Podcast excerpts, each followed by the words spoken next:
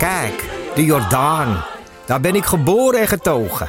De nieuwe Nederlandse musical Onze Jordaan van Diederik Ebbingen is dit najaar in de theaters te zien. Koop nu uw kaarten op onzejordaan.nl. Leuk toch? De Bright Podcast brengt je elke week de nieuwste gadgets, Het is gewoon de allerbeste Apple Watch die er is. technieuws, Instagram heeft weer eens een functie van de concurrentie afgekeken. commentaar Ik denk van, nou, dit is gewoon- Volkswagen onwaardig, die, die oplossing. en de beste techtips. Mijn favoriete boek was Helgoland van Carlo Ravelli. Luister de Bright Podcast elke woensdag in je podcast-app. Het is Wat gewoon- een geweld. Het is zo lekker om naar te luisteren. Dit is Man met de microfoon en hij woont met Paulien en Wiek een jaar in Sheffield.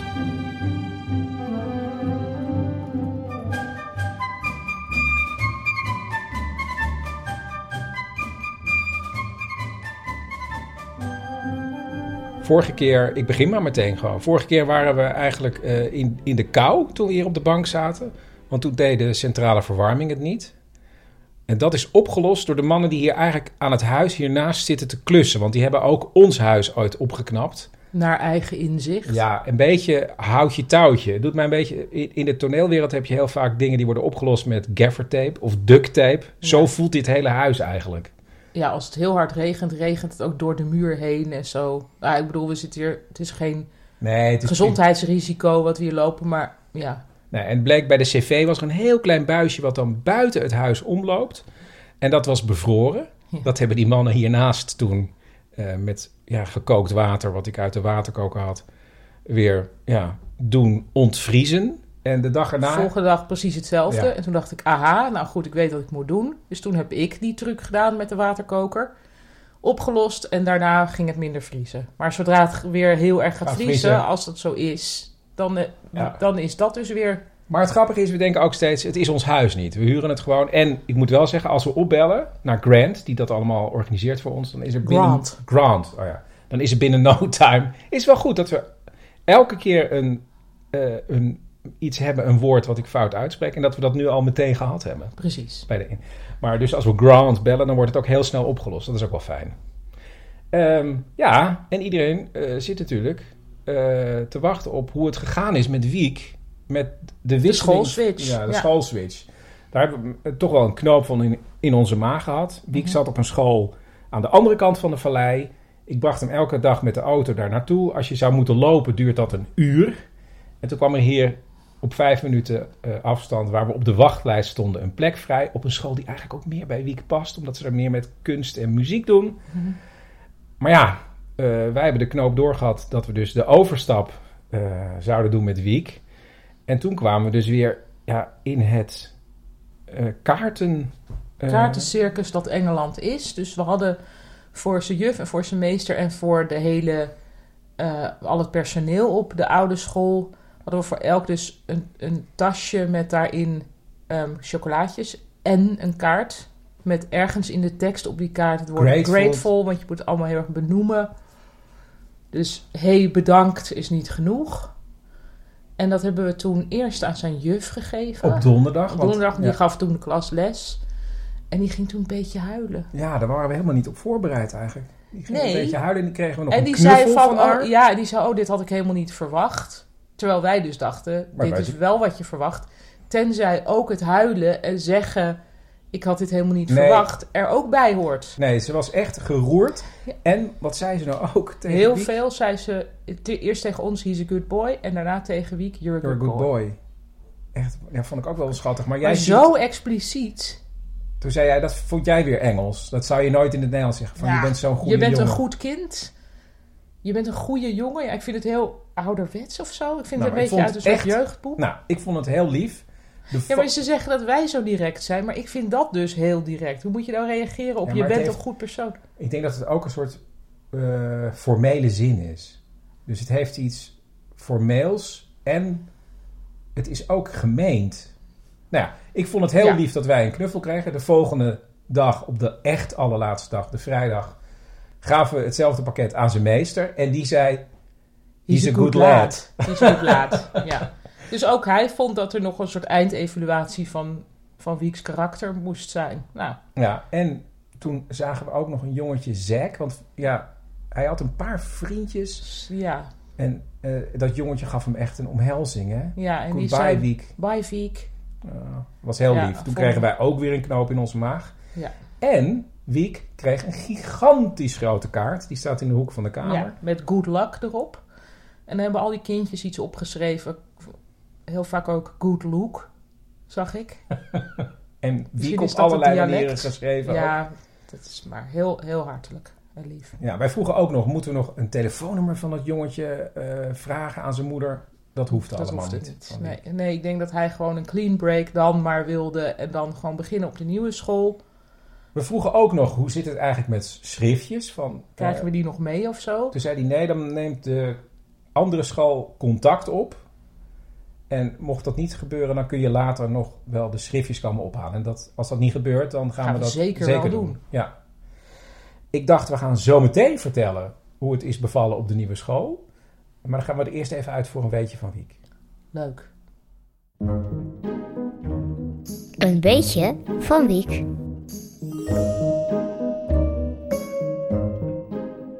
We lopen nu door een heel mooi landschap.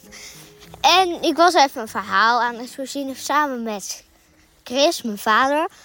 En toen schoot me iets binnen, namelijk de vampier. Iedereen denkt bij een vampier eigenlijk op het eerste gezicht meteen aan Dracula met zo'n rode en zwarte cape. Met van die slijmscherpe tanden. Ik zelf denk aan Hotel Transylvanië. Ik heb 1, 2 en 3 gezien. Heel leuk film, maar het gaat dit keer over de vampier. En ja, het is een vleermuis. En ze bestaan echt. Wel heel ver voor ons. En je moet ook niet bang zijn. Want ze, ze bijten vaak alleen dode dieren. Ze hebben iets in hun tanden zitten. Wat ervoor zorgt ehm, dat het bloed gaat stromen. Ze bijten zich vast in het dode dier. En slurpen het bloed naar binnen. Volgens mij vallen ze heel soms een mens aan. Maar wat zij drinken is, aan bloed is eigenlijk 5,5 milliliter volgens mij. Of iets van twee slokjes voor ons. Maar wacht even, Wiek. Net voordat je het ging opnemen, toen zei je dat ze nooit mensen ze aanvielen. Maar Ja, maar volgens mij is dat ook soms een vergissing. Ah, oké. En trouwens, als je nu denkt, lieve help, dus ze bestaan wel. Ja, ze bestaan dus wel, maar zoals ik al zei, ze leven heel ver weg. Dat was hem. Dat was hem, ja.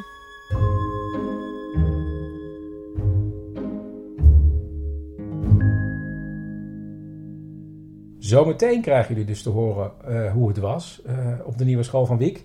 Maar we hebben ook reacties gekregen van luisteraars. En het is toch wel even leuk om eh, volgens mij te behandelen. Over de kaarten. Allereerst was er Evan, die stuurde een, eh, een verhaaltje van Godfried Bomans over het schrijven van kerstkaarten. Mhm. Ehm, ja, wat heel erg paste wat wij hadden gezegd. Van, ja, het zijn allemaal standaard teksten, maar er schijnt toch weer een verschil te zijn of je iemand, een tante, Merry Christmas stuurt of een oom Happy Christmas. Daar zit een verschil tussen. En als je heel gek... Volgens mij zit daar een klassenverschil Ja, tussen. en als je heel... Ja, voor happy is... Happy is meer upper class. En Merry Christmas is lower Is class. nou, nou, of middle class. Middle class. En als je echt uit de ban eh, wil springen, dan zeg je Happy Christmas to you. en een hele leuke mail kregen we van Janneke. Zij is met een Engelsman, woont in Engeland en heeft natuurlijk met een Engelse familie te maken. Die ook inderdaad eh, kerstkaarten verzamelen en dan bijhouden van wie zij zelf een kerstkaart terugkrijgen. En als zij zelf eh, drie jaar lang iemand een kerstkaart sturen, niks terugkrijgen, gaan, ga- gaat hij gewoon van de lijst af. Alles wordt bijgehouden. Net zoals Door de schoonmoeder, hè? Door ik de weet niet of schoonmoeder. dat door de huidige Nee, generatie maar. door de scho- En de schoonmoeder heeft ook heel keurig genoteerd, bijvoorbeeld met cadeaus. Wat ze dan jaren geleden aan iemand in de familie gaf als die ging trouwen. Zodat als er iemand anders weer gaat trouwen, dat ze dan ongeveer hetzelfde cadeau weer kan gaan geven. Nou, zelfde waarde. Ja. Dat wordt allemaal heel goed. Zo van, ik heb toen van de familie Smith een, een, Oh ja, een mixer gekregen Oh. die destijds toch Ja. wel 30 pond kostte. Dus dan moet ik nu ook wel echt... Iets goeds teruggeven. Ja. En zij zei, ik maakte aan het begin in Engeland de volgende faux pas. Namelijk, iemand gaf mij een cadeautje en dat ging ik dan meteen uitpakken. Ja, En toen dachten wij, oh, dat hebben wij ook gedaan.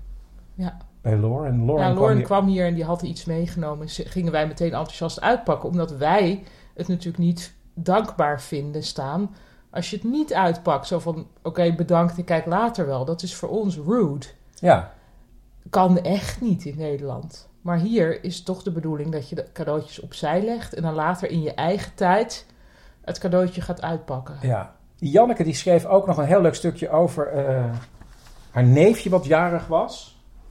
En dat gaat Zal ik dat over. even voorlezen? Ja, lees jij dat even voor.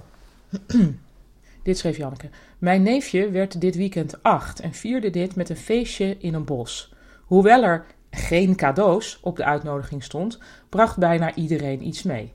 Alle cadeaus gingen keurig ingepakt op een stapel in de hoek en die stapel ging vervolgens in een grote tas mee naar huis, waar hij na het feestje alles pas uit mocht pakken. Zonder al die kindjes, zonder feeststemming, maar met een schrijfblok erbij, omdat hij wel keurig moest noteren wie hem wat had gegeven, voor de bedankkaartjes uiteraard. Ja, heerlijk toch? Ja, maar het is, het is toch zo grappig dat wij, dat dus, ja, dat ook Engelsen in Nederland dus ook eigenlijk faux pas zullen maken door cadeaus niet uit te pakken. Want dat zien wij echt als ondankbaar. Ja. Niet uit te pakken in bijzijn van de gever. Ja, het is ook zelfs zo, met, dat schreef Janneke ook nog, met kerstmis moet je eigenlijk alle cadeaus verzamelen in haar familie, aan de Ja. Engelse kant. Dus alles wat je krijgt, ook in aanloop naar kerstmis, alle cadeautjes pak je niet uit. En dan op het moment in Engeland, dus niet kerstavond, maar kerstochtend, Ja. eerste kerstdag, dan gaat iedereen gewoon met zijn stapel eh, zitten, alleen, en al die cadeautjes uitpakken.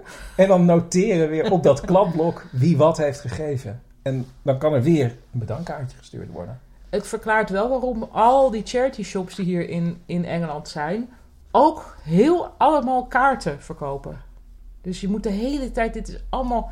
En dat is raar, want eigenlijk is nu de Royal Mail hier, dus de, dus de, zeg maar de PostNL van Engeland, is in diepe crisis. Er is een groot schandaal geweest Ja, ehm, met een soort computersysteem waardoor allemaal postmasters hier zijn eh, eigenlijk van Valselijk fraude, beschuldigd. valselijk beschuldigd zijn van fraude en van wie het leven echt is geruïneerd. Een soort van toeslagenaffaire, maar dan met postbodes. Daarnaast trekken ze sowieso, geloof ik, het lukt het allemaal niet meer met het bezorgen. En is er nee, heel veel wordt er heel slecht bezorgd. er wordt slecht bezorgd, maar nu wordt er, wordt er gediscussieerd nu over of de post misschien nog maar drie keer per week zal gaan komen. Waarop cynisch commentaar is. kwam Ze al kwamen al drie maar drie keer per week. Maar ik weet niet hoe. Ik denk, dat, ik denk dus echt dat er societal collapse zal zijn als al die kaarten niet meer kunnen worden bezorgd. Ja. Nou, volgens mij kunnen we dit blok gewoon afsluiten. Oké. Ik stuur je later een kaartje om je te bedanken voor dit blok. Dan noteer ik het in mijn notitieblok. Dan Ja. stuur ik jou weer een kaartje terug. Oké. Als je ergens nieuw gaat wonen en dus eigenlijk helemaal niemand kent, dan blijkt dat je toch voortdurend bekenden tegenkomt. Eh, zo zag ik mijn moeder bij de bushalte, mijn zus en zwager in de bioscoop, vrienden in de supermarkt. En dat zijn ze natuurlijk niet allemaal echt, maar je ziet ze wel voortdurend. En nu hebben we een paar plekken in de stad waar we werken. Dan gaan we met onze laptop zitten. Paulien mag meestal niet te lang tegenover mij zitten, want die typt zo razendsnel dat het demotiverend werkt bij mij. Maar goed, we hebben een vast café.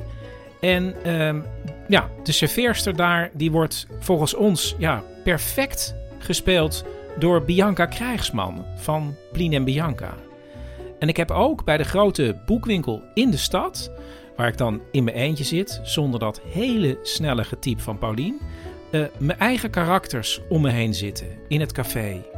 En één daarvan wordt gespeeld door de Amerikaanse acteur Richard Kind. Je kent hem misschien niet, maar het is een beetje dikkige man die speelde in de serie Spin City met Michael J. Fox.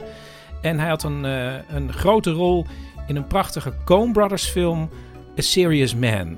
Het zijn in ieder geval altijd rollen waarvan je denkt: ja, er is iets niet helemaal goed met deze man. En ook in deze rol weer. Dit keer speelt hij een man die elke keer als ik in de boekwinkel ben, pulpromannetjes aan het lezen is. Die helemaal vergeeld zijn. En dan ja, met titels als Murder of zoiets voorop. Ik kan het net niet lezen. En dan maakt hij voortdurend aantekeningen in die hele kleine pulpromannetjes. En daar eet hij dan volgens mij de hele tijd koek bij. Nou ja, op een gegeven moment staat hij dan op en loopt hij weg. En ik dacht, als ik dit nou aan jullie vertel, ga ik volgende week proberen om met hem te praten.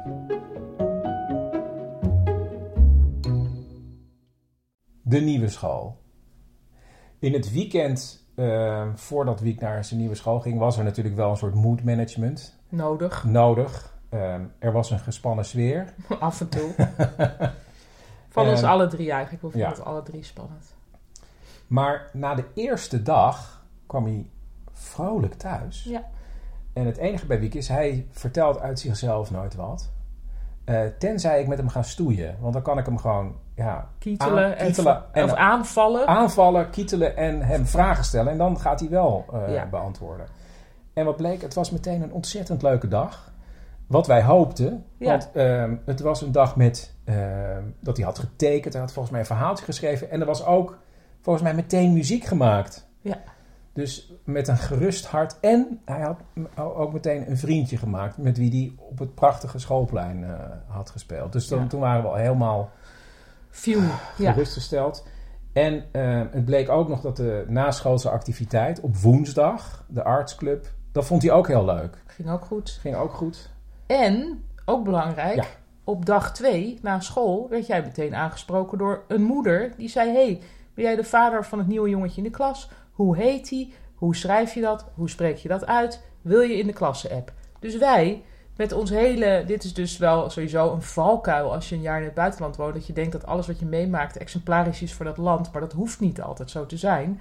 Ehm, dat wij dus dachten, op grond van de oude school, van nou, klasse-app en zo, dat bestaat, bestaat hier allemaal niet. niet. Dat doen ze niet. Ze houden dat allemaal Ik gescheiden. vroeg het nog aan, de, aan het, eh, eh, de directeur van die andere school. Die zei, nou nee, ik denk het niet. Nou, van misschien wel, maar Nou. dat moet je dan maar zelf opzetten. Nou, nu blijkt dat is hier dus wel gewoon. Dus we zitten, of jij zit nu in de klasse-app. En dan, dan zijn er, nou net als in Nederland, van wanneer is precies de uitvoering? Hoe laat moeten we daar dan zijn? Et cetera. En welkom Chris en Wiek, zeggen dan Ja. ook een paar ouders. Ja. Dus ik zit nu in die, in die WhatsApp groep. Ehm, en, maar ik kwam thuis en toen zei ik, ja, ik heb nu al meer gesprekken met ouders gehad dan op de andere school. Want daar heb ik überhaupt nooit een gesprek gehad. Nee, dus ook Engeland blijkt vele gezichten te hebben. Ja, dat, en daarom is het ook wel goed dat we dat nu even kunnen zeggen. Er is wel hè, eh, iets anders mogelijk dan we dachten dat de usance was in Engeland. Ja. Het fijnste is natuurlijk dat gewoon alles een beetje nu eh, op zijn plek weer valt. En ik vind het heel fijn, het is echt vijf minuten lopen hè, naar die nieuwe school. Ook door een heel leuk steegje tussen huizen in, want dat heb je hier heel veel. In Nederland is, toch, is er natuurlijk veel meer stedenplanning. Dus dan heb je niet zo vaak ruimtes tussen huizen. Dus hier heb je veel meer onofficiële straatjes, wat ik heel leuk vind. Dus je loopt gewoon de straat door en dan op een gegeven moment dan kun je een hoekje om. En dan is er zoiets van wat nog geen meter breed is. Daar loop je dan doorheen, van die oude steentjes die er waarschijnlijk al eeuwen liggen. Ja. Heel- en je moet ook niet ja. verbaasd zijn als er zelfs nog een bordje public footpath Ja. staat. Dus eigenlijk is het dan ook deel weer van een wandeling die je kan maken. Ehm, ik heb nog meer reacties over de mail gekregen. Ehm, er was weer iemand die mij een foto stuurde van een, eh, een mes waarop stond Made in Sheffield. Ehm, en dat hebben meerdere mensen gedaan. Eh, en inderdaad, Sheffield is een messenstad. Sterker nog, de borden als je Sheffield binnenrijdt, daar staat op Sheffield City of Steel. Ja. En eh, nou, daar heb ik weer een nieuwe rubriek voor verzonnen. Het is eigenlijk de, ja, dezelfde rubriek, maar Ga je elke dit keer- later gewoon inspreken of ga je dit nu allemaal vertellen? Dit ga ik nu allemaal Oh, dat ga je nu allemaal vertellen. Oké, sorry. History. Stories. Information. Chris Bajema delves into a subject, takes notes, and tells his wife Pauline about it. This time, it's about Sheffield, the city of steel.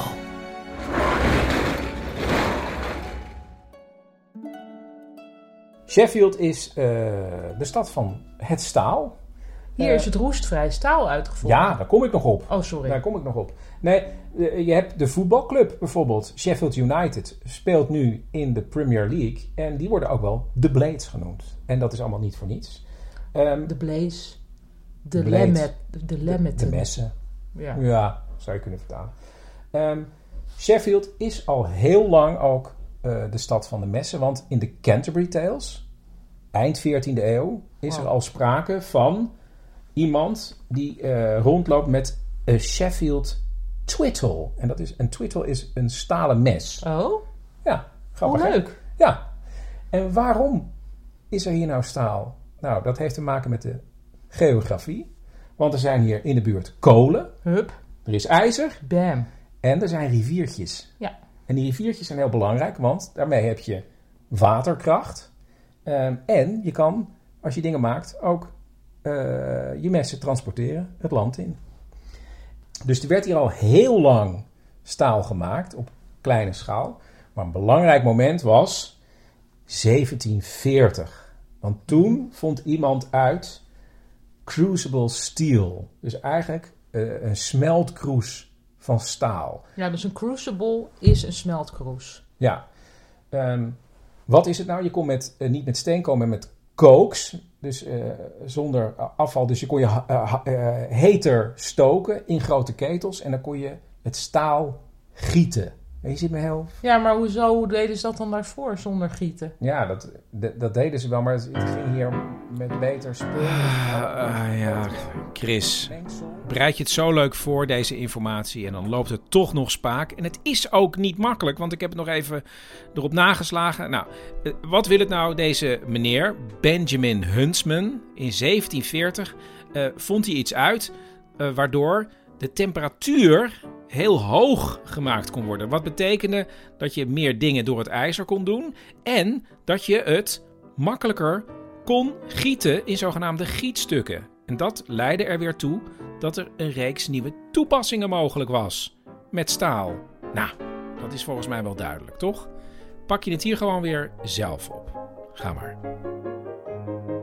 En eh, dat betekende dat in Sheffield op een gegeven moment, eh, zullen we maar zeggen in de 18e eeuw, 40% van al het staal in heel Europa werd gemaakt in Sheffield.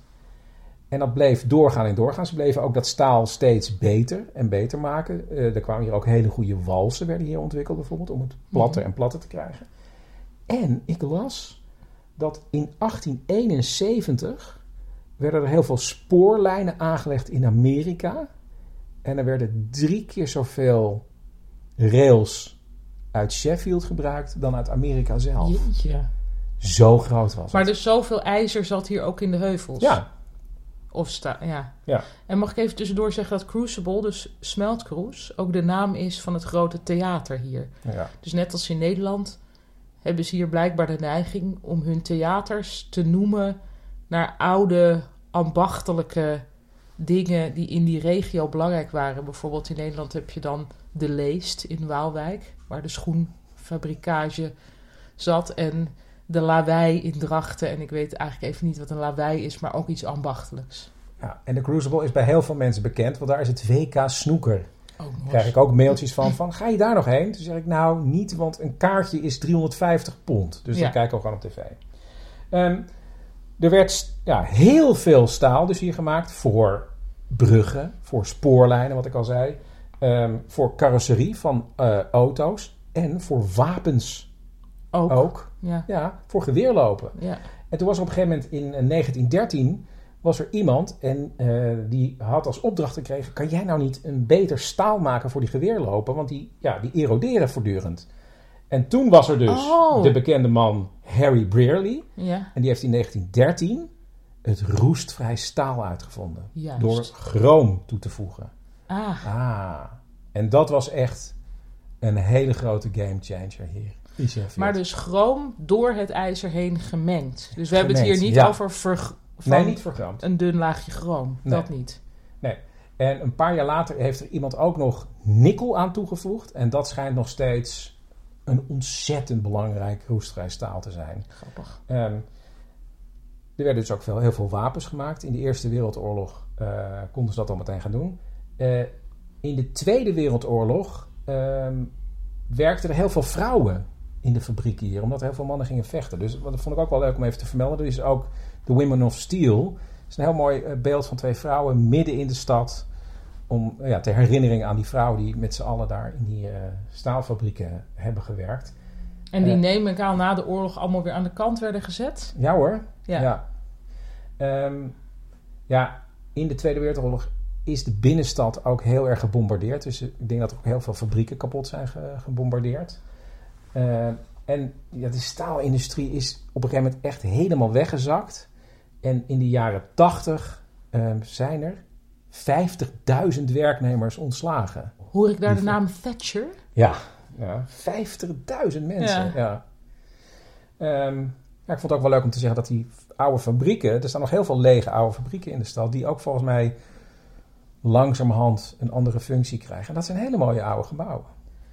Het wapen van de Universiteit van Sheffield ziet eruit alsof er vier wattenstaafjes gekruist worden met Ja. vier andere wattenstaafjes. Maar ik denk eigenlijk dat het niet wattenstaafjes zijn, maar een soort speren. Dit zal daar dan ook wel mee te maken hebben. Of Ja. niet? Ik denk het wel. Ja, oorspronkelijk was die universiteit hier ook vooral bezig met beta-studies voor die staalindustrie. Ja. Maar nu hebben we ook gewoon Nederlands. Ja. Bang. En ik weet ook dat we eh Wiek al hebben beloofd... dat hij een Sheffield mes voor zijn verjaardag. Ja, voor zijn voor zijn verjaardag negende verjaardag. We zijn er weer doorheen. Leuk. Heb jij nog iets? Niet?